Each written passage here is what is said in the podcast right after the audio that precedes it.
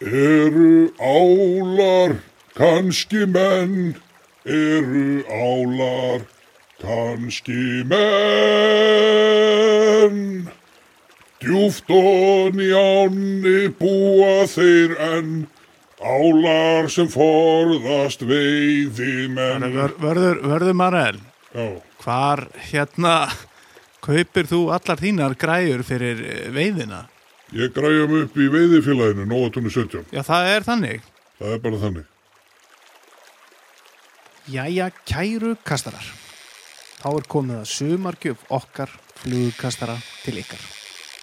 Sumargjöfin er svo að við náðum eftir margra klukkutíma aðgerðir að koma live þættinum okkar með Ólafi Tómasi Guðbjarsinni eða dagbók urriða hérna inn á. Þetta tók marga klukkutíma og hljóðið er alls ekki gott. Það er eiginlega bara eins og á Facebook Live. En við vildum samt gefa ykkur þetta til þess að þið gætuð hlustað á þetta þeir sem komist ekki og nefnt ekki að horfa á þáttinn á Facebook en vilja kannski hlusta á hann.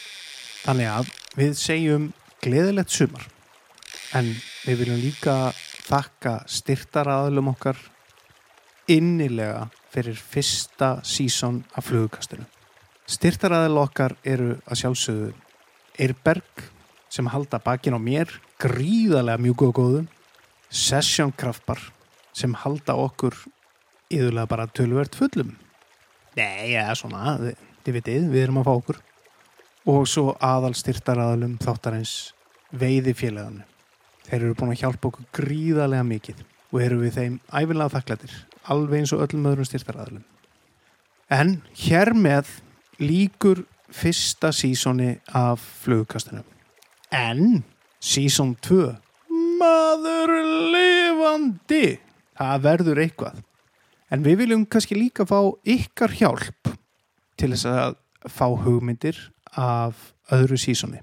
Alveg sama hvað það er, bara komið með eitthvað á Facebook síðan okkar, bendið okkur á hvað þið viljið fá, hvað mæti betur fara eða hvað sem er. Spurningar en við getum lofað eitthvað því að season 2 verður jafnvel betra ef ekki miklu betra en þetta sem við vorum að hlusta á. Okkur þetta er líka væntum ef þið myndu gefa okkur stjörnur eða umsögn eða eitthvað á því podcasti sem að þið hlustið á podcastið okkar. Og með því kemur þátturinn með dagbók urriða. Ég endur tek hljóðgæðin eru ekki upp á hið besta en hér er hann. Frá okkur Sigþóri segjum við takk fyrir season 1, tight lines og góða skemmtum. Velkomin bara í þetta hvað Það er við segja flugkast. uh, live flugkast maður, shit, þetta er geggjað það er gaman að sjá okkur öll en Sigþór fyrst af öllu, ég er í Freplaból Þú ert í fraflabólni. nú sjá það allir sko, ég veit ekki Skot.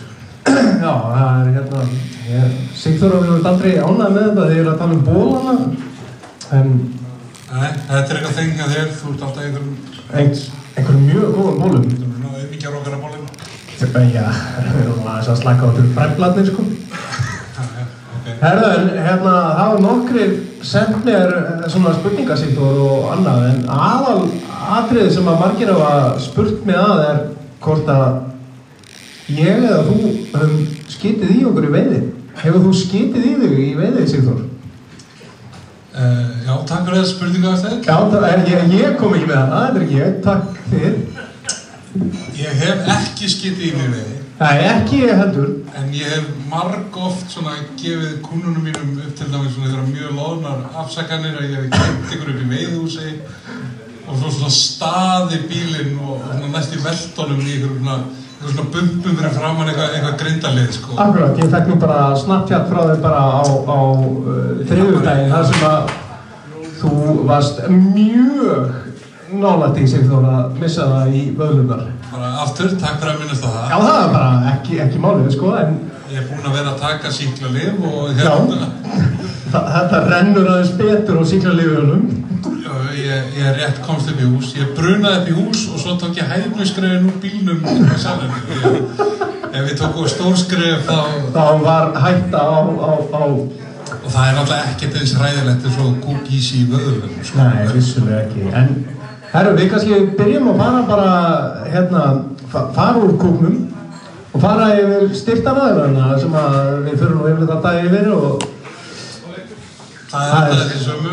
það er þessi sömu. Það er, session bar, við erum staðstöður session við bar. erum staðsettið þar, velkomnir, djúvillig gaman að sjá ykkur hérna og ég ætla bara að byrja á Signature move. á signature hérna, það er hérna trilljum, það er trilljum bjór og Ég fer að kannski þá yfir, yfir þetta meðan þú klárar þetta. Það er hérna góða fólki Eðberg já, já, sem heldur bakkinu og hafstinni gangandi. já, mjög góð, mjög góð, góðu. Það er hérna veiðifélaginu 817. Snillingarna það er Dóttir Mikró og Gunni Skaft. Heldur betur. Gunni Skaft er kallað Gunni Skaft því að hann getur tegnað titling í Skaft eða veiðislinginu ykkar. Það er svona 7 og 9 pluss vask. Og hérna, svo er það að lókum erum við hérna líka með sko Við erum með Fisspartners, Stafnveifélag Reykjavíkur, Herrafallvöldum, Kormáks og Skjaldar hérna í kvöld og veiðikortinu. Vissulega. En hérna, ég verður bara til í að hérna, segja við ykkur öll sem eru komin hérna bara takk fyrir að hlusta, takk fyrir að koma og ef við ekki bara segja Lækka, lækka þetta aðeins í alltaf þetta? og ég lækki mér eða, er þetta alltaf hátt eða? Aðeins, aðeins. Ok, ég ætla að lækki mér, Það var skálur á meðan, komin tími til þess að einhver lækkaði það. skál, gaman að sjá ykkur.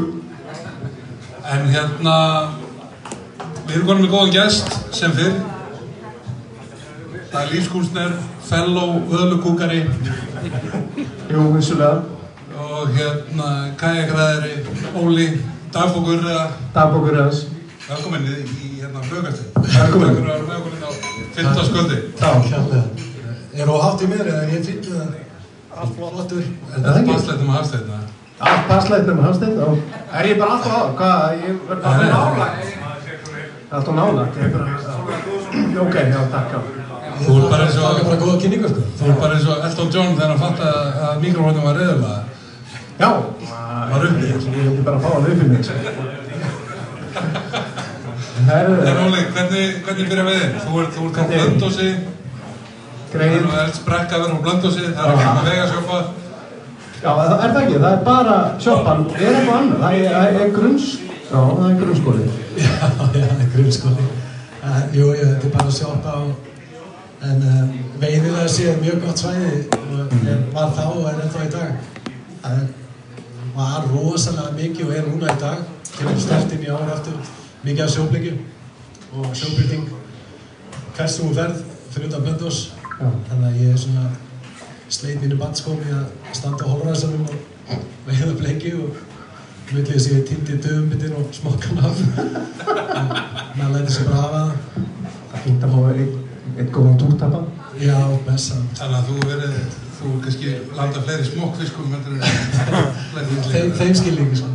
Já, en já, blöndur sem frábærstæða til alast upp í veiði. Það, það er ekki nema kortir í, í heimsklassa veiði og ferskonarfiskur í, í hvað allt sem er. Já, lagsur, bleikja, sjóbyrtingu, og það er bara flott. Ok, þannig að þú, ég gerum ráð fyrir að, að hérna, búin að vera að elda að einhverja ósá, einhver vötn og, og svo náttúrulega er, er blandan sjálf, þannig að í, í miðjum bænum.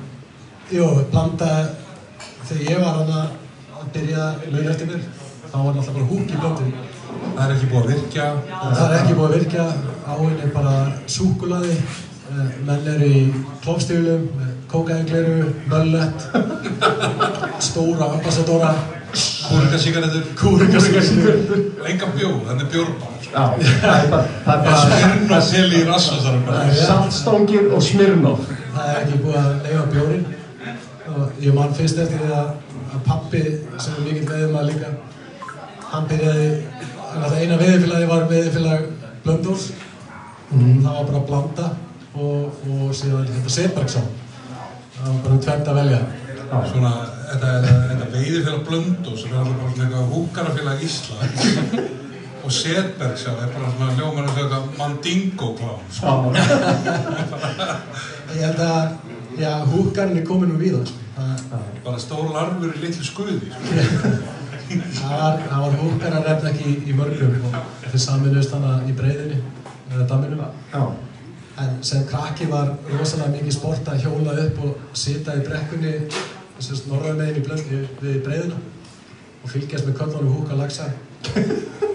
og aksjónið þegar menn voru að setja í, í kannski, kannski er ekki allir sem að vita hvernig þetta var í raun og veru.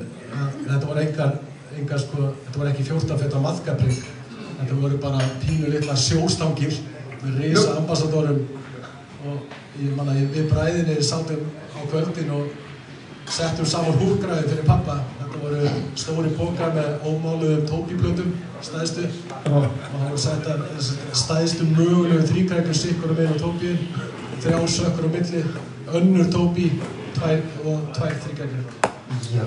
þess var nelt út í og ef ykkur fyrirstaða var þá var nelt í og öskrað Já. ykkur hljópa stað með staðista há sem það er nokkuð til að segja en ekki sagði Við erum að tala um bara einhverja lundaháfa. Við erum að tala um lundaháfa Stærra en borður, sko. Við erum að tala um lundaháfa sko með hnútum sem rakvélagöð Það er öllum alveg saman En að pappi kemur þess að heimana með 22 bönda hæng ekkert tíðan Steituðan, auðvitað Er það? Eftir húki?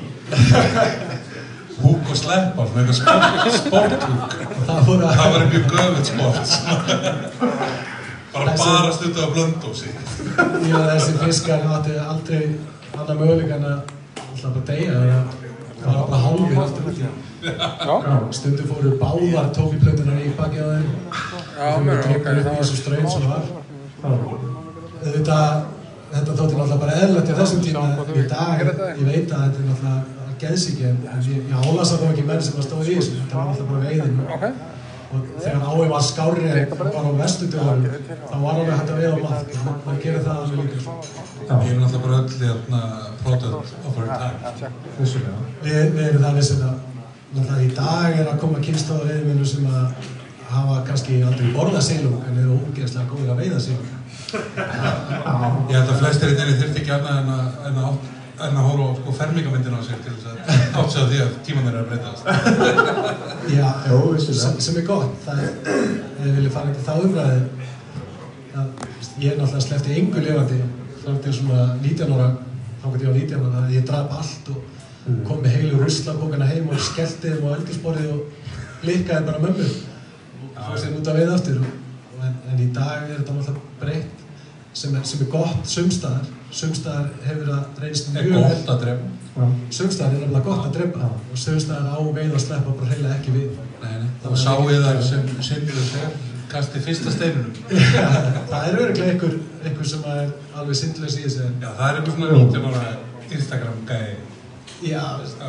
ég ætla samt að bara, ég læta bara vana að mér finnst að þú er ekki að keira bílnum og kunnur að skipta dekk og mér finnst að þú er ekki að veða fisknum og kunnur að gera á um eldan sko.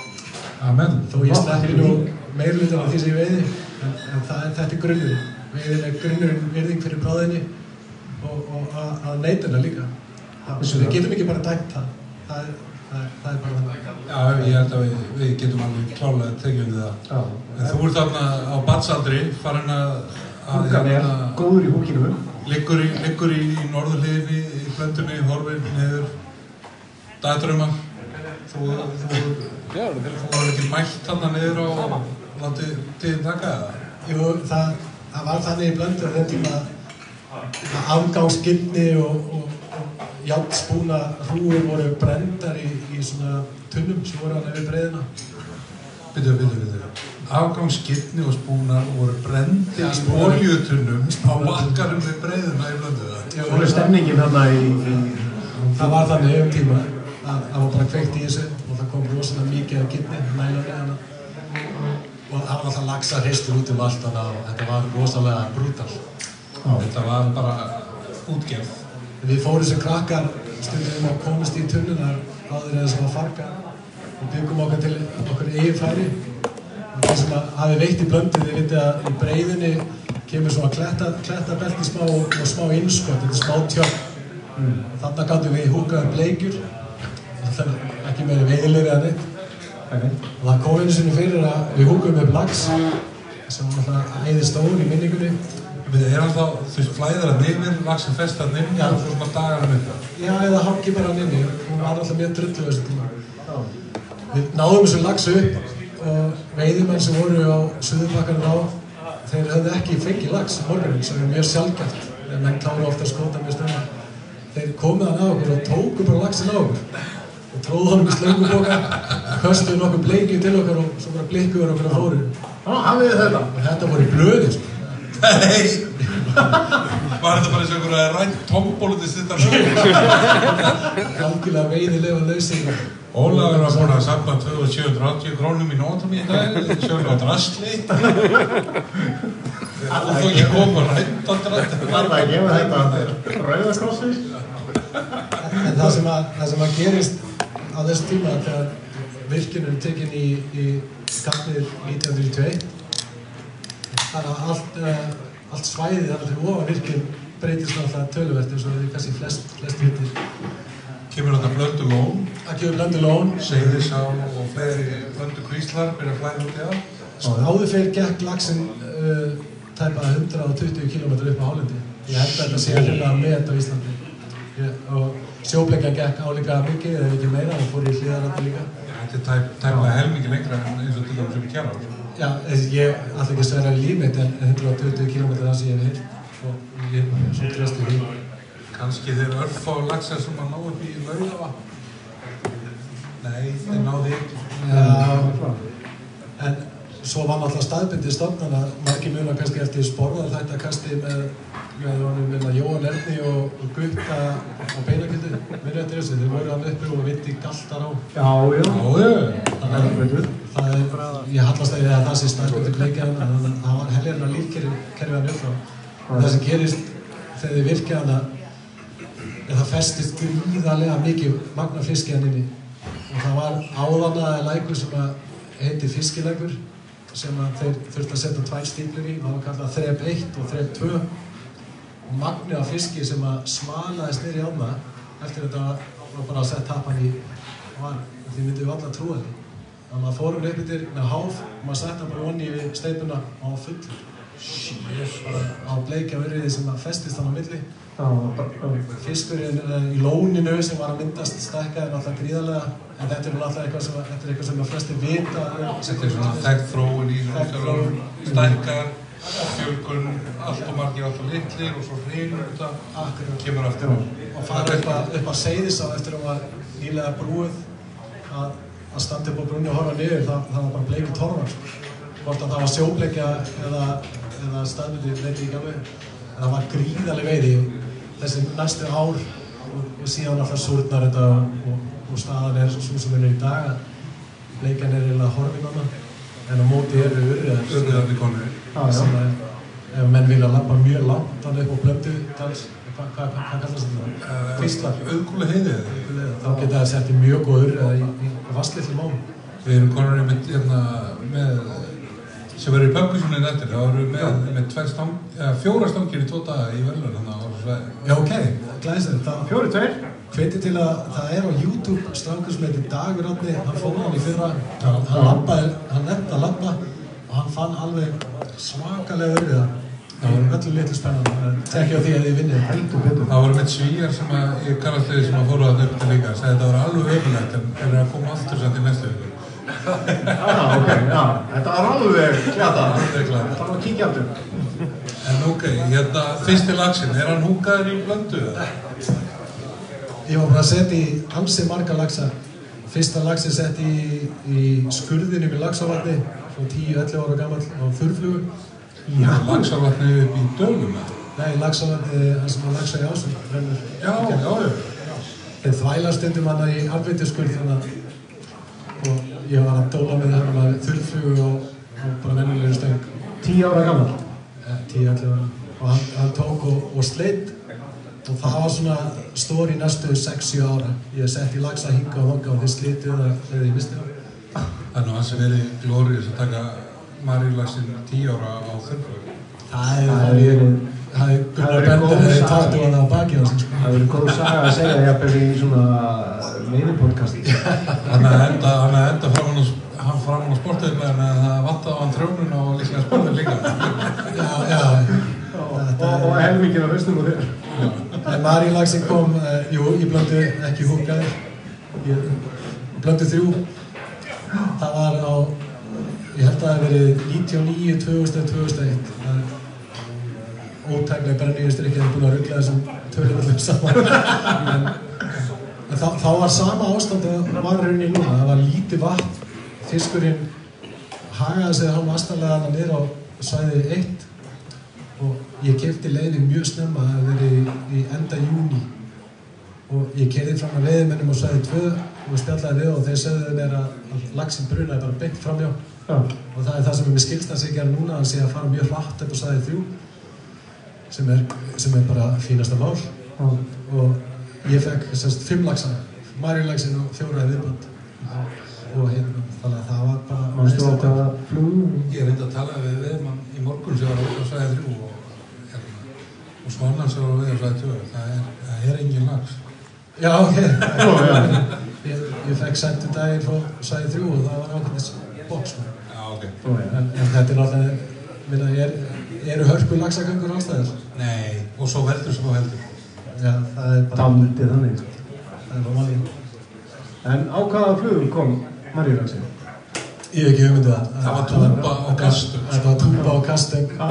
Það var ykkur veið, veiðvinni minn hérna og Blendósi sagði við mig kefti túpu sem var líkist himninum og ég fór í kaufilega og spurði hvernig þetta er túpur og það voru til okkar hérna bak við rjóman og, og. Þannig ég kefti bara eitthvað sem líktist himninum og setti sökk á og dundraði svona í og það var lags á Já. og síðan fjórir í viðbætt. Þetta var ekkert eitthvað Og var svo lógið sko. Geirmundur- var Geirmundur hann að selja þetta?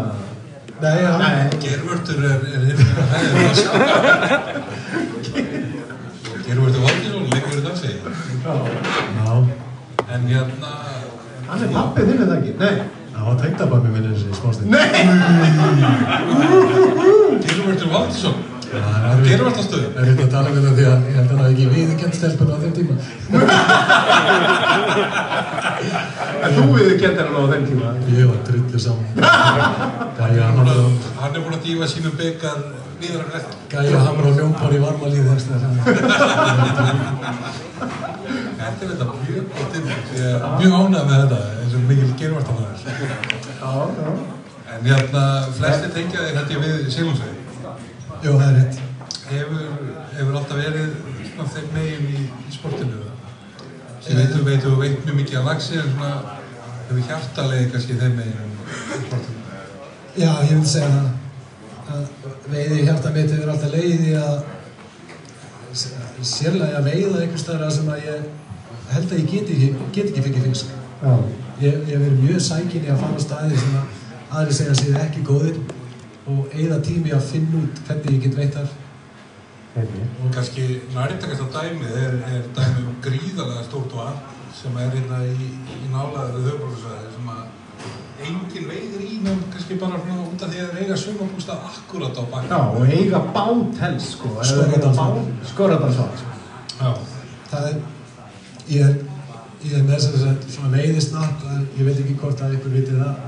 En Það er eitthvað sem segir mér að, að flestir reyninni kannski það. Já, en við kannast ekki við að það var það dagbók Urriðans á Snapchat. Þetta er það verið að dagbók Urriðan, já. Þetta er geggjað. svolítið mikið fjölda með með það og ég fæ rosa mikið af fyrirspyrdum að ég, ég er rauninu búin að búið til að fara hvert sem er ef að ég hef gaman að því og ég er mikið beður um að fara í kleifavatn sem að ég myndi ekki snerta með prík og tuskur sko þetta er mjög slæmt þannig Ertu ekki, til að leggja leitin á Guðmund og Geirfinnur við? en skorrandasvann fæ ég mikið mikið, mikið fyrirspurnum og ég hef aldrei farið ánga ég vissi ekki um það nema ég vissi að bleikunar geta orðið gigantískur Gríðarlega stóra. og örriðin er af þingandastómi, ísandastómi Á flautur og nöfnir. já, fluttur upp til fyrir 30 árum já, og spjara svo mjög vel hana. og var í rauninu held ég bara mjög góði fyrir viskerfi að sem sýnir sig kannski mest á bleikinu sem er að er, vatnið er offsetið og minni bleikan er ekki mjög helbrið þannig að, að setja örriðan ég sá það reynda af einhverjum umtölaðu í dag að það getur verið gott að setja svona örriða í fleiri völd og ég er samanlega það væri þess að vilja að pröfa En það er náttúrulega ekki öll, öll hérna völd með þessi greinlega í eða afreyðislega eins og, það að það. Eins og hérna skorðaðsá. En ég fór upp yfir í, ég fann núna þrísar í Skorradal og, svona reyna stúdera þetta aðeins og seinast skiptið sem ég fór það er bara ég setti fisk sem að tók mjög skringilega Á kajak. á kajak. Er þetta að draga þetta eftir eða er þetta að kasta? Bæði, ef ég er að veiða eins og því að veiða í Skorradalum er ég að veiða mjög djúpt þannig að kanturinn kemur mjög snemma og þú ert bara að fara strax í 20 metra dýpi og síðan 40 metra dýpi því nær sem að er, er ljóskiptunum eðla kemur fiskur nær Já. en ég hef, verið að pröfa að veiða hann með sem sagt hraðsökkatilínu með, með sökra 6 með stórum þungum strímum þannig ég er að veiða mjög djúpt Búm.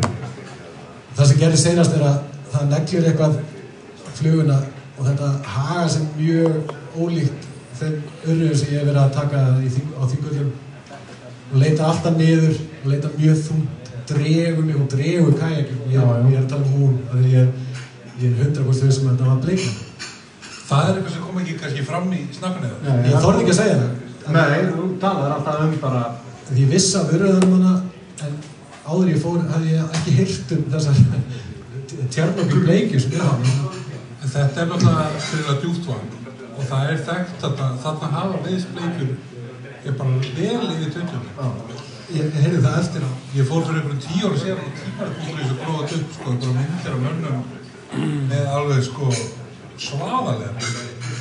að, ég hef þetta náttúrulega bara eftir tilfinningunni að þetta hefði verið bleikja hún hagaði sér, eða fiskurinn hagaði sér öllu leiti þannig og svo sá ég náttúrulega sporðin sem var bara fullorðið mannsönd sem að skellti sér niður. En af því að klukktíma setna sé ég urriða sem er svona milli ja, nær 15 pundum ég sé hann koma alveg upp og ég kasta á hann og hann tekur og hann hagaði sér nákvæmlega svo í urriða þessu stað. Ég- hafði- og stekkur.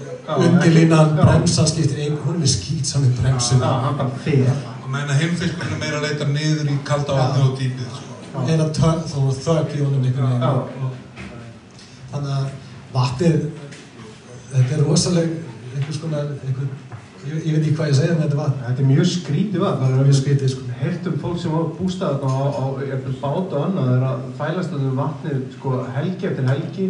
Það er einn og einn, og einn einhverja smá bleikjur eða eitthvað. Ég og þú þetta- kannski einu sinni og tíu ára fresti færði það svona ágættis bleikju Já, var bara- með skorðarsvatni að eftir að þetta snapstóri kom út þá fekk ég helling að skilabóðum frá mönnum sem er að veiða mjög reglulega stóra öryða þannig að það veitist 91 cm öryðan að vikuna áður Já. á, á píkokk en þetta eru bara gæja sem er ekkert að negla svo á veiðibellunum og því það sjáu þetta. Það segja eitthvað frá þessu, þeir eiga bústaðana og þeir vilja ekkert að fá mig eða ykkur Þannig að þú, þú, ert að, þú ert að skemma núna bara hérna fyrir hérna og við hvað er fjandar með að skemma? Þetta vatn er sko eins og garða bara ég get sagt ykkur frá, ég fekk skilabóð eftir þetta frá manni, ég vonu sett að hlusta staðar, það er gott að því. Hann sagði hérna, þú ert meiri vitlisingur en að vera auðlisandi vatn. Og ég segi, ég er ekki auðlisandi, ég er bara að veiða og fólk er að horfa á það. Og segja, nú koma allir. Og ég og sagði við að ég held að vatnið þóli það nú alveg. Og sagði, nei, nú koma allir og hérna fara að dreja börriðan. Það er það sem þú vilt finnir, að dreja börriðan. Og ég spurði, ert þú að veiða hana? Já, ég fengi passa 80 cm urriða á beiti. á bein Og ég segi, ertu þess að skamma mig fyrir að forða vatninu frá veiðmenn eins og þér? Og hann svaraði því náttúrulega ekkert. En veiðmaður er svo, ég, ég hef allan daginn sleppt svona stórum urriðum, en ef ykkur vil drepa þá, þá er það bara þeirra mál. Það er örugglega bara fínasta mál. Já, já, það er ekki fyrir þetta mál sko. Ég veit ekki að þú ert að tala um Sigþór sko Hefur þú heyrt þættina hjá eða? Jú, ég hef heyrt að, Já, Hann er farið að gráta í tveim sko út af einhvern Nei ég hef bara Nei, ég segi það að, ekki. Það er, það er alveg staðið sem er gott drepa og ég drepa alveg fiska og, og, og allt það. Já, já, vissulega. Ég er nú ekki, ekki heilu kú í því sko. Nei, nei Nei, við verðum samt að passa, að, ég hugsaði við sjálf með að, pappi minni veiðmaður, hann dreipi fiska, afi minni var mjög góð veiðmaður, hann draf alla fiska. Veiðiferðinum með þeim voru yndislegar og þetta eru mjög góðir veiðmenn og ég virði það. Uh, við förum stundum svolítið í að, að, að ganga svona upp á þá sem er að drepa fiska. Við finnst stundum að við verðum aðeins að slaka. Ég er Líka að gefa þeim alveg Og talandi frá, eh, komið frá manni sem ég sleppi flest öllu, við verðum líka stundum að muna að þeir sem að er að veiða á beitu og dreifa fiska, þeir hafa jafn gaman þessu og aðrir. Jú, Það er betur maður. En við verðum líka átt að vera því að sko ágangum mannsins er orðinn mun meiri, græðin er orðin betri, þekkingin meiri. Vissilega, Það voru ekki jafn margi góðir veiðimenn Það er kringum 70 og eru í dag sko. við hafum stegðið með mjög góða punktur sem kom fram í þáttunum í ykkur að, að við erum að vitna í gamla veiðumenn frá eh, eftir síðan fyrir 50-60 árum sem að virtust geta lappa bara hillum og tekið 30 lagsa þegar áinn var búin að vera kvíld í, fjóra vikur. það var enginn búinn að veiða þær í mánuð Já, sko. Þeir voru kannski einu með flugusting. Já, Já, það var það var bara Já. bóndi sem laði net þetta einhvern tímann í júni og svo er þú bara í lók júli. já, það er bara, það er nóg að gera maður. Allir yfir Guðmundur í viðtal verðist á að selja sáli svona djöflinum og hefur valdið hennu svarta galdri og verðist getur töfraði fyrir lagsa. Já, það, það er bara svo margi góði veiðimenn á- hérna á Íslandi við erum svolítið öðru í þessu veiðimenn en, en þeir erlendur sem að ég er kannski gæta á svona en það er svo margir rosalega góði veiðimenn þú, þú getur ekki sett hvað veiðimann sem er á mörg svæði hérna og hún er gangi vel og hann hún er gangi vel en Íslandingar eru fyrir ofan mjög fínu veiðimenn finnst mér Já, það er mitt sko. Við erum svona, við erum svona svolítið spöld, við erum ekkert alveg bestir sko. Við svona á, áður en að veiðikorti kom til dæmis söguna. Það var svona, já, það er gott að veiða í þessu vatni út í júni, svo er það svo heitt og kemur gróður og fiskurinn hverfur. Já, En þú veist, það var bara, menn hefði ekki taumana, litlu flugurnar og svona, tvöskinn og... þú veist, það var bara svona, um leið og fiskur eru pikki í júli, þá var það, já, það er ómúlegt að veiða þetta. En það er nú að breytast með, með, með svona, kannski auðvöldara bara aðgengi að upplýsingum. Mér finnst persónulega að til dæmis sílungsveiði tíminn byrji reynilega úr seint hérna á Íslandi. Já, Það er, það er óþægilegt að standa út í slipti og, og hríð en, en sílungsveiði tíminn ætti að byrja mánuðið fyrir. Þetta er mitt mat. Bara, bara fyrsta mál. Á sömu stöðum, já. Ég hef oft veitt, veist, og gerir sér þá segur heitum brot gegn lagur sömsögulegu bara í februar, sko. Já, bara í februar. Ég, það, þú veist, það áttum kannski ekki við núna, en oft er bara fínast að láka í februar og nýja maður. Já, já. Það er bara, maður er að hóla toppflugur og, og, á bílrúðum hjá sér og bara okkur að maður ekki vera fiskur að er feitur og, og heilbriður, fullur af proteini. Já, og svo er hérna, svo er annað í þessu, kannski, þú veist, ég er alveg til í að sleppa vormiðunni ef við fáum þá að veiða þá vel nógundar, sko. Já, já, við að það er líka, líka eitt sko. Er það alveg til að íta Er, mögulegt að fá eitt bjór? Já. Það er kannski bjóð hérna. Herði, en nú reynir ég hana, þú nefndir leysögn, hefur eitthvað verið að tóta þér í það? Hvar hefur þú verið að... Ég, það er voðalega lítið. Ég, ég byrjaði mjög ungur að, að svona fikra mig áfram í leðsögn og lendi á þeim tíma þú veist, ég bara rosalega miklu fyllir í og ruggli og slagsmálum og eitthvað svona sem að Þú lítur að vera fyrsti leysögmaður lagsaður sem lendi í fyllir í Ruggli og slagsmálum. Ég held að það hafi enginn lett í því. Ég hef alltaf bara verið hóttrykkjumadur, bæðið á mat og drikk, eins og mig. ég man sérstaklega fyrir Sigur þú með 12 bjóra núna? Ég var, ég var að gæta tvo menn í blöndu fyrir ég man, 15 árum þeir voru ógeðslega leðilega, þeir voru blindfullir og þeir slóðust bara á 10 metra fresti ég var bara Það strák Íslendingar það. Íslendingar Já. ég, ég var stráklingur sko og ég forði ekki að segja neitt ég þekkti svæðið mjög vel og langaði svo mikið að þeim gengi vel af því að þá myndi ég kannski aðeins slaka á þessu kjæftæði Drikkjur og slagsmálum. Við stoppuðum við, við stað og við löpum að hann og fyrsta sem við sjáum er bara silvaði lags kom upp og annar lags og annar lags, þetta var gefið. Þeir sem er hefur getað fengið lags á það. Þannig ég fór að reyna að segja þeim til þeir hlusti ekki á mig og ríði bara kjátt. Annar verður að setja risa flótolt á og margt og hann kastaði út og ég get svarið að þetta bánsaði af haustum einu lagsinu. Eftir það hugsaði ég bara, neða, þetta er ekki fyrir mig sko. En síðan hef ég gætað útlendinga af og til, takk hérna. Og það hefur verið mjög skemmtilegt. Ég hef lært mikið af þeim og, og þeir eru svo þakkláttir. Þeir fá kannski fimput og yrri og, og, þetta hleypar upp á vegg hérna. Það er myndi. Annað Fyrir mig er þetta bara annar hver urriði, Þeir vilja bara rammin fluguna og taumi, sko. Já, maður fær faðla sem var aldrei, sem var aldrei fyrir sko. já, ég gaf þér nú samt gott faðma hérna áður. Já, það var þetta hefði fyrir. Já, við hefum nú svona haft, eins og haft þetta komið inn á í, í byrjun, svona, það hefur verið kannski, það hefur aðeins verið slegið á, á því þema að, að hérna, kúkísi í vöðlum. Já, hérna, Þú nú kannski marga fjörun og sopið og öldurna stíð í, í þeim efnum. Öll þessi uppbygging með kúkin í vöðvanum er að því að þeir vita að ég kúka í vöðvanum. En það er allt í lagi. það, finnst þér það bara allir lagi? Ég er, hérna, er, er bara stoltur. Stoltur að segja frá því að ég, ég á hérna, tæmlega hundra áskonu vöðlu sem ég kúkaði í. Þetta var bara ekkert eitthvað, þú veist, Kúka í eitthvað og kúkar í svoleiðis. toppið það. Ég var sem sagt, Þú voru ekkert haldið að lækjumara það? að reynda bara á það, ég get lofaði því. Ég var að veiða í, það var í fyrrasumar og var náttúrulega fulla laugandarsöll að horfa á mig í genið snappið. Þessi gerir þetta náttúrulega enda erfiðara. Og ég var að fara í nokkra daga ferð og ég var spenntur eins og menn veiði menn verða. Þannig að kvöldi áður held ég með nokkur bjórum og ég var að ræða í bóksinn og hugsa þessu um þetta. Vaknaði síðan eldsnemma og ákvaði bara að drífa mig á stað. Enga morgumat og ekki bull, bara orkudrykk og svo retta í kjaftin og drífa sig á stað. Ég stoppaði í einhverju vegarsjöpu og kipti rúmstykki sem að reyndist bara að vera mitt kryptonætt. Það er einhvers konar, einhver skinka sem er leiðið undir krokkskónum hann og ég átti þetta og hálftíma setna var ég komin að litlu urriðavatni sem ég veið oftur í kastaði kajaknum út fór í hérna þurrbúningin ég var bara að veiða í hálftíma kannski og það gekk vel. Þá byrjaði einhver svona tilfinningur í maðan svona, já, við erum að tala um lítið, lítið svartól sem er að falla yfir sjálft sig einhver svona tilfinningur sem finnst að vera að hverfa inn í einhverja lígi og ég fann að þetta var, var að fara á eina vegu. Þetta var ekki að fara upp. Þannig ég, ég er með svona pedalakæk og ég, ég setti einhvers konar crossfit met í þessu. Bátinn bara það helst inni. En bát, bátinn er planaði land. Þrjá tímil á það. Ég stranda hann í grjóðanum og, og þess tíma ég veikti svo skyndilega þegar maður fá matareitur svo þú veist þegar maður fá matareitur ég var bara að svita svona köldu svita.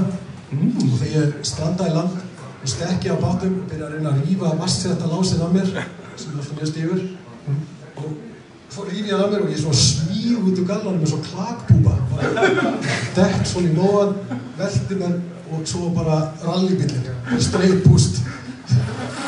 Já. Það var hrylling sko. og mér leiði hræðilega. Og það mesta var að ég átti þess að dag í blöndu þrjú setjubartið hennar dag og heilan dag í blöndu fjögur daginn eftir. Þannig að Þannig að þú beist á jakslinn.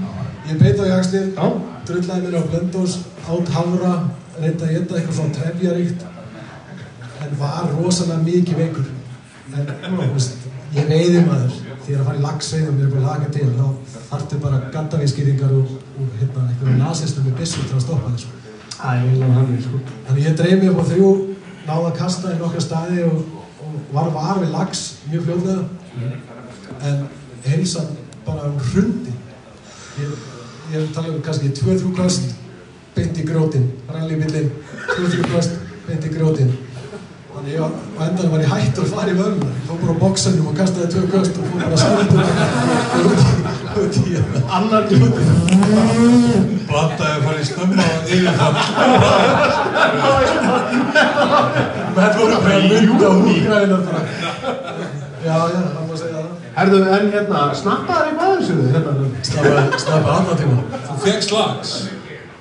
Já, það kemur sérna. Ég var hann svo máttvarinn hann á þrjú að, að ég reyndi bara að tjálta.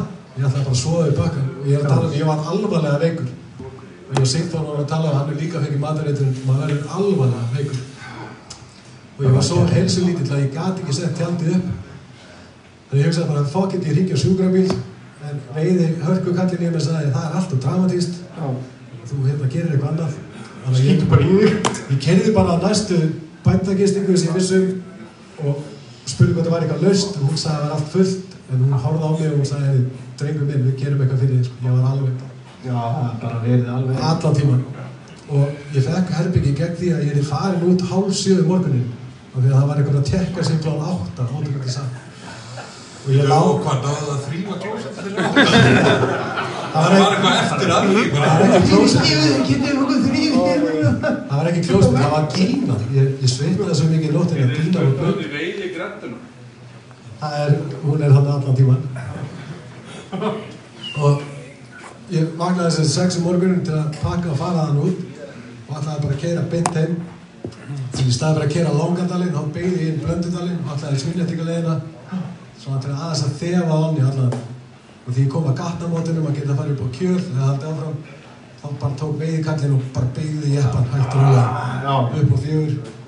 Það var brakandi sólskinn og logg Ég man eftir þessu snappi, þú ert þarna sko í kaldur sem þeirra. Hvítur. Með meðuruglega svona hátt í 40 þegar þetta. Líklega, já. Og, og einhvern veginn grípur veðigrættan hann inn í og, og snýr stýrundi við. Hún gerði það, ég lagði niður við, hvað heitir næst næsti staðinn á sæði fjör, þetta er þess að breiðan, Já, já, Það var bara það Nei, er ekki breiðan. Ég, ég, Þetta er næst næsti, það sem kemur bara að þeim kemur. Ég stökk út í bílum, klætti mig galan, setti uh, Sunrise Yacht á og ég var bara að kasta tvö kast, þá kom að þriðakastinu sem að var að detta ofan á seinasta, seinustu leifanar á strömmnum áður fyrir í, í, í lingnum. Já. Ég vissi að lagsa myndi liggja þar, ef hann tæki í Sunrise þá tæki þar. Og það var bara svo áinn hefði sprungið þúsund móla. 80 cm haust ykkur til að líka engin hængur, leggja þess að Sunrise, byrjar að tósa og ég berst við hann hana og ég er að berjast við hann og ég er að berjast við að skýta í gjáni því er eitthvað svona í miðjunni og það verður ekki neitt ég landa fyrstum á mjög skömmum tíma. Ég veit að Jóhann Davíð og þeirra lagsa hefði viljað að ég hefði tekið mynd af þessu að þetta var fyrsti lagsin held ég og sagði fyrir á þessu sísóni en ég svona rétt hafði orkið að draga hann upp tók mynda hann bara í vassiðuborinu og svo slefti hann að sýnt í byrtu og ég reymi úr völanum og hljópi í grjóti og rallybillin bara og þá var þetta komið aftur. Ég byrjaði að svitna aftur og ef það er ekki allir komið með matalist eftir það, þá vil ég meina að þeirra, vil ég meina að að selja hérna grillaða marknum. Hvílík konfekt. ég ætla að reyna að stýtta þessa sögu bara ekki neitt þið áttið ykkur að þegar hérna er komið sögur er ég, er ekki búin að skýta Já, þú hefur komst- ég komst alltaf í grjótin sko. Já, þú hefur ekki, já. Ég klæði mig aftur í völar, ég kastaði 2-3 kost, það kemur annar lags og ég bara kippi frá honum, ekki, ég hefði bara ekki heilsum í þetta. Ég fór inn í bíl, byrjaði að pakka, svo ég sagði, ég, ég fyrir ekki ekki, ég fyrir ekki upp í efru og neðri bríkinu frá hann og kasta nokkuð kost. Já, nákvæmlega. Þannig að ég fór aftur í helviti skallan, drullaði mér upp í til og það vaða yfir blöndi fjögur á þessum stað. Já, já. Hún er ekki vassmikil, en steinanir eru Þeir rúmir eru, og þeir sleip, eru allir eins og, eins og bara egg. eins og egg, sleipegg. Já, það er þetta Sleipa. jökuláin búin að fá að, slípa þetta á þetta Það er, verkið. sko. Já, og, og svo hérna, kemur ákveðin himna á steinana. Ég fór upp í Efrunar brík, ég var bara kasta eitt eða tvö kast. Hann kom aftur svartólf tilfinningin bara þúsu sinnum. Já, akkurat. Ég er í svona simsveiðjakka sem er strektur hérna. Ég var svo máttlaus. Ég held ég ekki eins og ígjör þetta. Ég byrjaði að reyna að losa rönnlásana og ég gata það ekki. Þannig ég laðist bara svona niður í grjótin. Fór svona milli grjóta bara.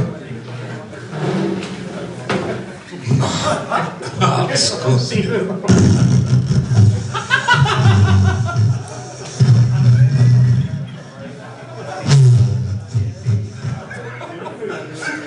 skeist í fóstustellingu. Það er hundra. Humarinn upp í þér!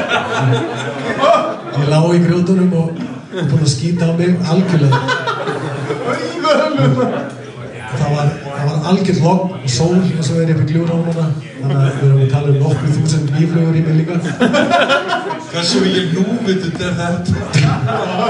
Hvernig er er þegar það- er létti loksins hæðunum, rallybíli var í vöðunum, þú ert allur nýbyttinn, það er konar fisk, það er konar sko, það er konar svona taðflugur, þessar líka, Þetta er alveg og þú er bara þetta kort, svona hálftíma lapp í bílinn, Mómenti var að mér langaði bara að gufa upp. Mér langaði að verða einhverju skona steinefni. Verða bara aldrei. Hef aldrei verið Ólafur Tómas, aldrei verið dagbókur, engi viss að mér. Er það ekki svona það sem fólk er að reyna að ná út úr jóka og svona? Þú veist, einhver sinni Ég hefði verið tilbúin að deyja hann, að deyja við árbakkan er, er Deyja við blöndu En það er verið svona- eins góði písla, mátta döiði og eitthvað annað. Ég Það er samt svona íslenskur áhrifavaldur, látin með blöndu, eh, ekki grunur um hérna glæfilega datavi en að- en það myndist já. hins vegar hafa skiti í vöðlundar. Þetta utan að- 100.000 krónur simsvöður Ég hefði verið til í að deyja nema það, ég vildi ekki láta að finna mig í öllum bingo-galanum búin að skýta á mig í fórstyrstellingunni. Það er verið algjör skellur. Þannig að ég... Þú talar til að drukna í ánni, bara ekki deyja úr, hérna kamfílobakter. En þetta fór bara svona og ég hérna, skammast mér ekkert fyrir það. Þetta bara gerðist og, og, og hérna maður veikist alltaf og síðan sýndi ég bara hundasundi yfir blöndu og dreif mig í bílinn, klætti mig bara nýra á spennan, baðaði mig í blöndu, allir dránaði á titum í blöndu og, og keirði sér heim og, og hérna, ég man eftir að ég vissi ekki hversu veikur ég leit út fyrir að vera á snappinu. Ég held að ég var að bjarga feysi þið sem að hafið ekki verið með snapp sem er auðvitað flest snapp það er, fylgir ákveð álaga byrja hvert veiðitúr, byrja hvert kast vitandi að það er fullur lögandursellir að horfa þig. Það er allir að býja til þú gerir eitthvað gott. En síðan skýtur á þig. Síðan fólkin skýtur á þig og nær ekki að klára túrin og það er fólk að treysta á að þú sést að gera eitthvað Það þarf ekki verið í fjóra daga, það er bara komin tveir. Jú, ég ætla að vera mjög það sem huggaði mig mest var að ég fekk skilabóð frá, frá Jóhann Davíð hjá Lagsá sagði, látið batna vinnur, ég er búinn að skrá lagsinn hann vissi að, ég hefði ekki þessu orku að reyna að gera það sko. þá veit ég það, ef við skýtir okkur þá er ég búinn að því líka þannig að við erum fyrir maður í því Við stöndum saman hérna í við- viðglæðinu slæðan. Slæðan, já, menn er að slætta á sig En þetta er Þetta hann á eitthvað, það er eitthvað hann á, símanum eitthvað Já, já, hann er komin niður fyrir 10% hérna beina útsendingu. Hvað, hvað, er það? Já, Já, já. Það er góð, takk, takk, takk já, Óli, hvar, þú fyrir nú aftur í þetta, hvar er svona, hvað er uppbóðsáin, hvar liggur, við Já, mátti velja, það er peningar og, og hér kom í hverslega, hann var ekki, var Já, ekki við þurftum ekki að spá í, í vinnu eða Það er vilja vatn á morgun. Þetta er rosa erfið spurning að því að það er Gefur nú ekki ráð fyrir þessi norður á tvö í þessu verði. Er það ekki einhvern Ég hef veitt við það en það er rosa margar ár sem að ég hef bara aldrei haft efna á veiði sem að, sem að ég get trúið að séu rosalega flottar. En uppáhalds áin er, er líklega, myndi segja blanda fjögur, þetta er líklega fallegasta á sem kemst í, er tær lags á fjögur, stóra lags á fjögur, þó ég sé ekkert sérstakur á veiðar en, en Lax á lax. Stóra lags á fjögur. En ég, ég er eitthvað að svara þessu, kannski mýra kvill fyrir svona 15 árum. Það væri þá mér að byrja fyrir 15 ára. Já, En hefur þú nú mikið verið í vatnavegi líka? Uh, ég maður þetta vítjum frá að þú varst að byrja á YouTube og svona, svo varst að skaga í þig og varst ég að leggja í einhverjum hérna, lengri missjón með viðinni Sverri, nei, er hann ekki Sverrisson? það er lág. Er hann lágur? Þú veist, þið voru í svona einhverjum alls konar, uh, einhverjum alls konar þvælingi, þú veist, ekki það sem kannski beint verðlistur reis hæst, en svona að reyna að grafa ykkur út eitthvað nýts, svona, ekki var að gera. Lækliður og eitthvað þannig að- Já, sko, að þegar ég er að veiða með góðu veiðfélaga, eins og félagið mínum og stempa hérna, Óla og ég sé hérna, uh, þá skiptir í rauninni yngu máli hvað ég er veiða. Við hittum svo sjaldan að veiða saman er svo gaman að við getum verið í klóakinu hérna, finna Skítalegum í kópói maður, guð almáttur Ó, Já, ég held ég hafi veitt á öllum sem flestu helstu stöðum í vatnaveðinni. Og ef ég er ekki búinn þá er ég örugglega leiðin okkar, sko. Þú er svolítið innsettir að það núna, svona með kannski, hvað ég var að segja, rýbrandi á dagbók Guðriðans að hérna, þú ert ekki kannski mikið svona dagverði við þig og kannski gefur lengri tíma og setur kannski heilstætt efni hverju segni að, að vera svolítið svona að feta þessa, þessa stíi sem að minna eru farnir. Já, ég held að, að því ég er ekki einhverju trademarki, ég er ekki, þú veist, einhver kennitala, ég er bara gæði sem er að snappa. Fólk, fólk horfir á það ef það vil horfa á það. Ég er ekki að kynna neitt eða auðvitað neitt. Og ég er bara að veiða á þeim stöðum sem að mér langar að veiða á. Og það er oftast bara stæði sem að mér þetta svona challenging að veiða á. Þú ert ekki, þú ert ekki að selja kiptan alls ekki alls ekki. Pluss vask.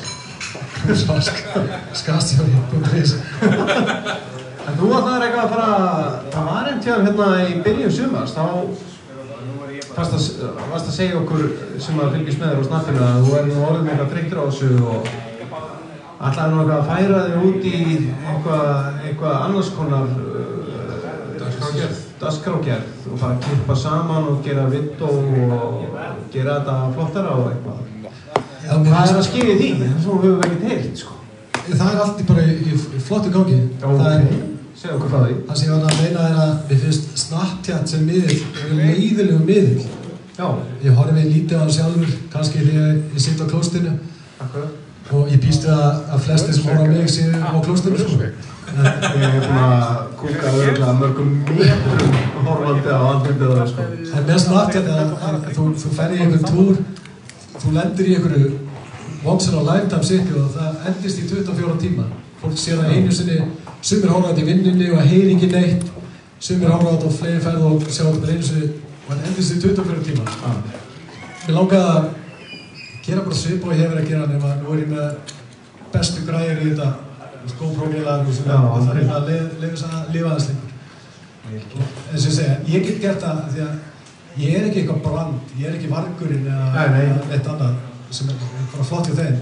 Ég er bara gauð sem er að slappa þegar ég veiði. Akkurat. Og ég geti hægt á morgun, mér er skýt saman Mhm. ef fólk vil horfa á þetta þá er það flott. Og það fólk sem horfur á þetta er flott fólk. Að ég fæ rosa góð, gott feedback. Svona svolítið svipa, svipa bildubóðu Hafsteinn, þá er virkilega þurfum að strúka einhverjum styrtaræðalum. Já, Það eru þeir samt svona bókstæðlega bara að gefa okkur bjór og, og hérna eitthvað búna til að halda þessu gáðandi. Við erum ekki, við erum ekki að fá reyðu fyrir ná reikning Nei, við erum ekki að fá, við fáum ekki, við fáum ekki 50.000 krónur fyrir hvern þátt sem við gerum, en þú veist, við fáum sessjón eru það góðir og að þeir láta okkur fá bjór fyrir þátt sem að við getum gefið vinnmælendum og annað og annars fáum við ekki raskar. Svo meira drifið áfram á ástriðu. Áskilju. það er bara svona Takk fyrir það. Já, Ykkar skál. já, ykkar skál. á móti eru er, þú veist, fullu salur af fólki og, og sjálfur ég hérna sem að sem bara elska að þið actually gerir þetta Já, við elskum það sem að þú ert að gera, sko, þannig að já, þetta er bara Ég hef ekki bara allir að rung, konur er það svona.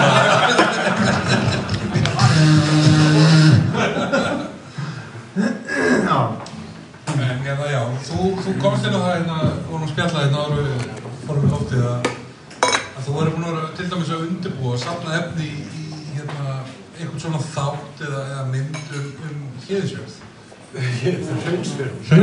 Ekki það? Þetta er í annað skipt í þáttur á sig ruggla Hraunsfjörð og hliðisjörð. En já, Hraunsfjörð og hérna, við erum komið inn á það í þettum bæði við hérna, hann Örn, Örn, og svo í útkonum þætti sem að kemur út á næstu vikum. Mhm. En hérna, þetta er, þetta er nokkuð einstakt og, og magna viðsvæð með svo- svona rosalega sögu í rauninni. Já, er Og vítið til varnar á mörgur leiti líka. sko. Já, líka. Þetta er, ég ætla að gera nokkra svona örþætti um ákveðin viðsæði þess að ég fer um, mjög djúft í söguna og mjög djúft í dítilin. Þetta er svona, þetta eru hvað, 38 mínútur cirka þátturinn um hvert viðsæði og ég byrja á hreinsöri að því að ég veiði mikið af- og sagan hana er bara rosalega laung og það er rosalega merkilegt hana. Þetta er alveg aftur í bara heiðalíu sögur, landnormannast en þetta tók smá tíma að voru í hreinsinu var, var ekki mjög gott. Ertu sammála því? Það var mjög sérstatt voru í hreinsinu. Allir Bergman, Bergman var sammála því. Kinga Kolli. og ég vann þetta hef búin að vera að vinna þetta með mönnum sem hafa bæði rannsakað hreinsinu og verið mikið hana allt náðist en bara veiðin klikkaði núna veit ég að veiðin er að, að skilja sig og ég ætti að geta bara að klára þetta fljótlega. En saman bak við hreinsinu bak við eh, landsins staðstu hafbeitt bak við ég leiði mér að segja bara klöstur fokkið að reyna svona hluti. Þetta er mjög íslenskt það sem var reynd að gera hana. Bara til að nefna ykkur ykkur á tölur á þeim tíma sem að Silvurlags sem hafði örgla ágættis meiningu að, að þeim unnum alltaf eftir því sem þeir vissu að, að þeir eru að sleppa út uh, 3,3 miljónum sjógöngu segða meðan náttúrulegur sjógöngu segða stofn Íslands alls Ísland á 600.000 segði þannig að við erum að tala um ári. Þannig að við erum að tala um þetta er gríðarlega mikið högg á visskerfið en ef maður getur sagt því sem verð fer fyrir þá sem betur fer fyrir kannski einhver aðra þá sá hafið bara um þetta endur eftir urðum mjög lélegar og fjármagnið einhvern veginn gufaði ykkur Lengi tekur hafið við. lengi tuga hafið við en, en það, það, það, það segir samt ekki að þegar aðilar í fiskildi hefur gefist upp því að leða þetta endaði þá kom svona strax á eftir Já. og, og þið getið, googlið hraunsverð og leitið í niðurstöðum þá sjáu þið að það var verið að selja veiðilefi sem stóð sjóbleikja Já. Já. við erum að tala um 2003-2004 þetta er silungur sem slapp úr þessu verkefni. Já. þannig að öll sagan í kringum þetta er mjög áhugaverð Og verður þetta, aðgengilegt bara ókipis og netum Já, allt, allt, allt, allt ókipis Bara og YouTube. bara- 38 mínúta þáttur, þetta er ekki all- allt ókipis og engin orkudrengir og Hvernig er að fara að setja hérna Ertu ertu ekki að setja kjartanfæðispilsur og grillið eða neitt? Það er engin, dans Það verður að pressa á þetta.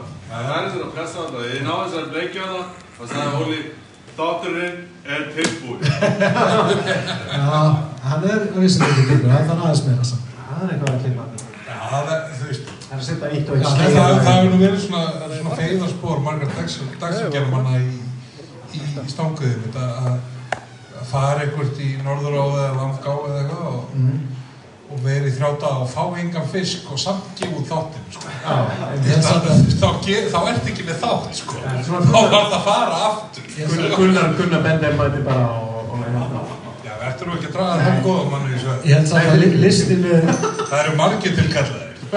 li- listin með hvers konar veiði þátt eða veiði snapp eða hvað sem er, er að, er að reyna að segja sögur. Það hlýtur að vera listin. Vissulega. Eggert Skúla gerði þetta meistarlega í fyrstu sporalöstum að segja sögu. Ég veit alveg, til dæmis þegar hann gerði þáttinu með Lagsvegur Ríðarsson, ég veit alveg hvernig þetta gekk. Þetta leiði vel út í þættinum, en þetta gekk ekki mjög vel á, á staðnum. En það er sagan, sagan var svo falleg. Það fá allir leið á því að sjá keinkbókna stangir í, í heilan klukkutíma. Það vill ekki sjá menn þreita fiska í hálftíma. Saga verður að vera til staðar. Góð saga einu fisk er betur en engin saga hundra. Þá verður það að vera með sérmjöndi þáttsjörnunda, góða viðmælendur, gefa þeim smá vitt og svona sögu og er það. Nákvæmlega. En hérna, Óli, hvað er það að veiða í sumar? Já.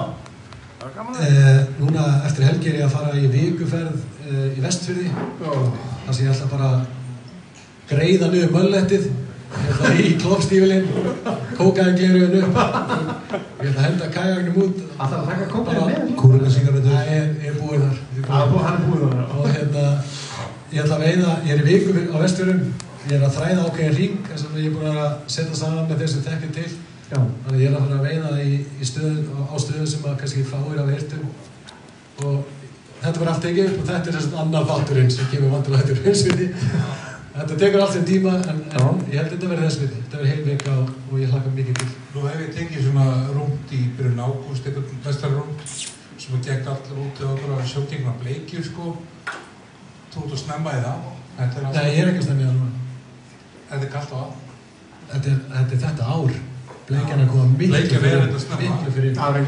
Hún er að veiðast í miklu magni núna um all land. Miklu Það er að fyrir. sjá stóra myndir og fnjóska og það eru, það eru sjókingna bleikjur gengur í brunna bara fyrir tveim ögur síðan. Byrtingurinn er að koma fyrir inn.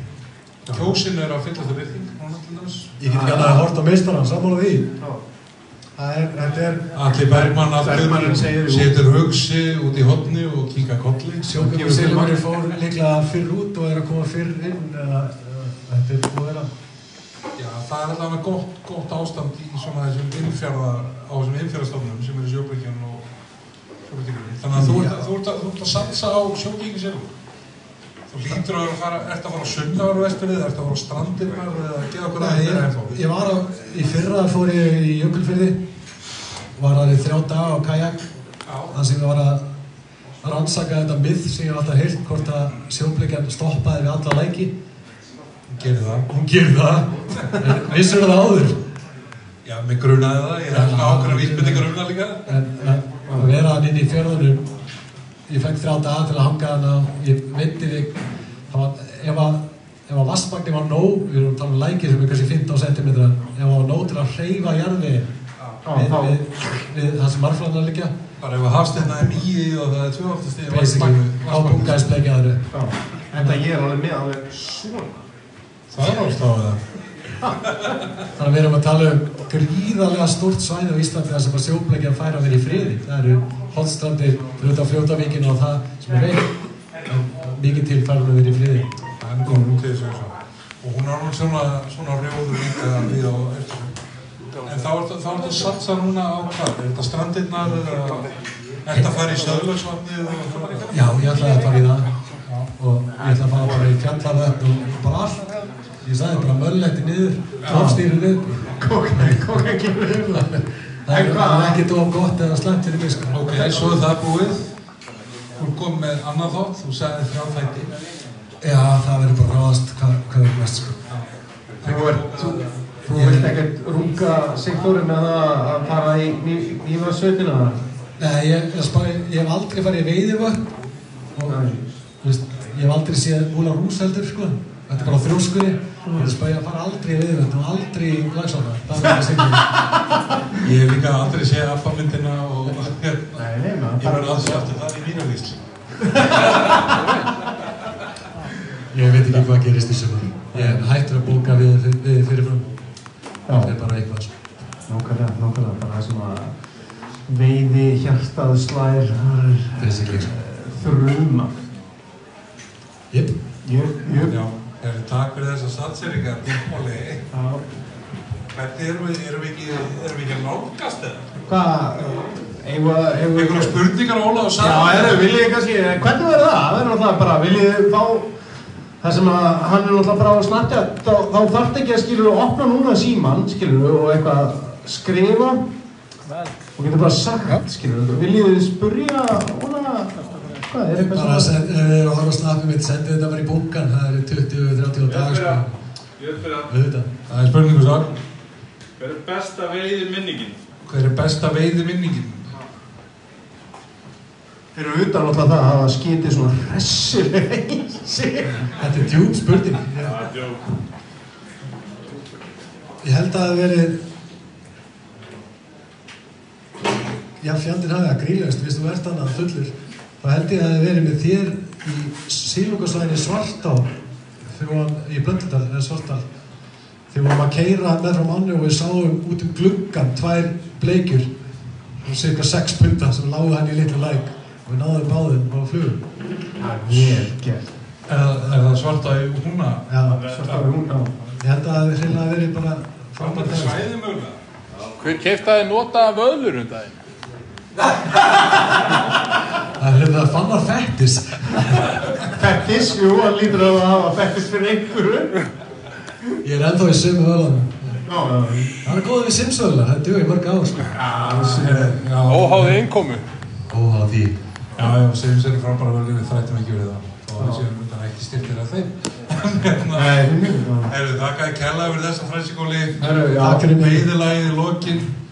Veiðilega, já, herru, já maður, shit. Herðu, Herru, getið þið sko. sett á það? Herru, við getum, held ég, Ég ætti að beða um að barnum, sko. nei, það er nefnilega við, hérna, Við, við, já, það við stálum mixernum Það kom upp gríðarlega miklar tekni, hérna, Tekniverulegar. tekniveruleikar, þannig að við þurftum að taka, við getum ekki spílað lægið, ekki nema, nei, við getum það. Nei. Yeah,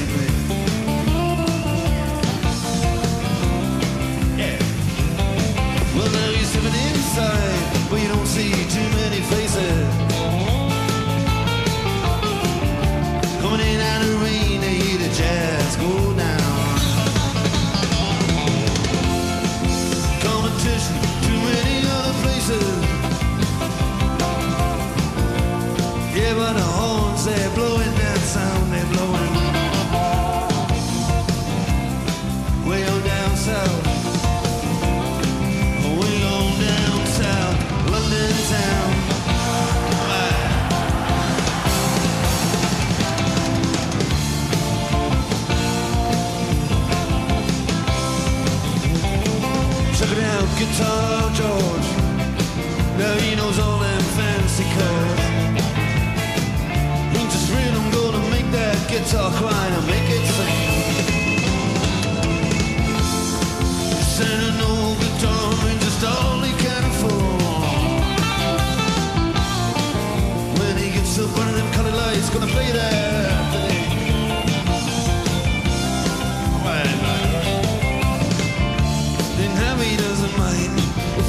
if make their fancy scene. Got daytime job, you're doing quite alright, thank you very much. Do the honky tonk just like anything. Saving up for a Friday night. With the Sultans. Yeah, with the Sultans on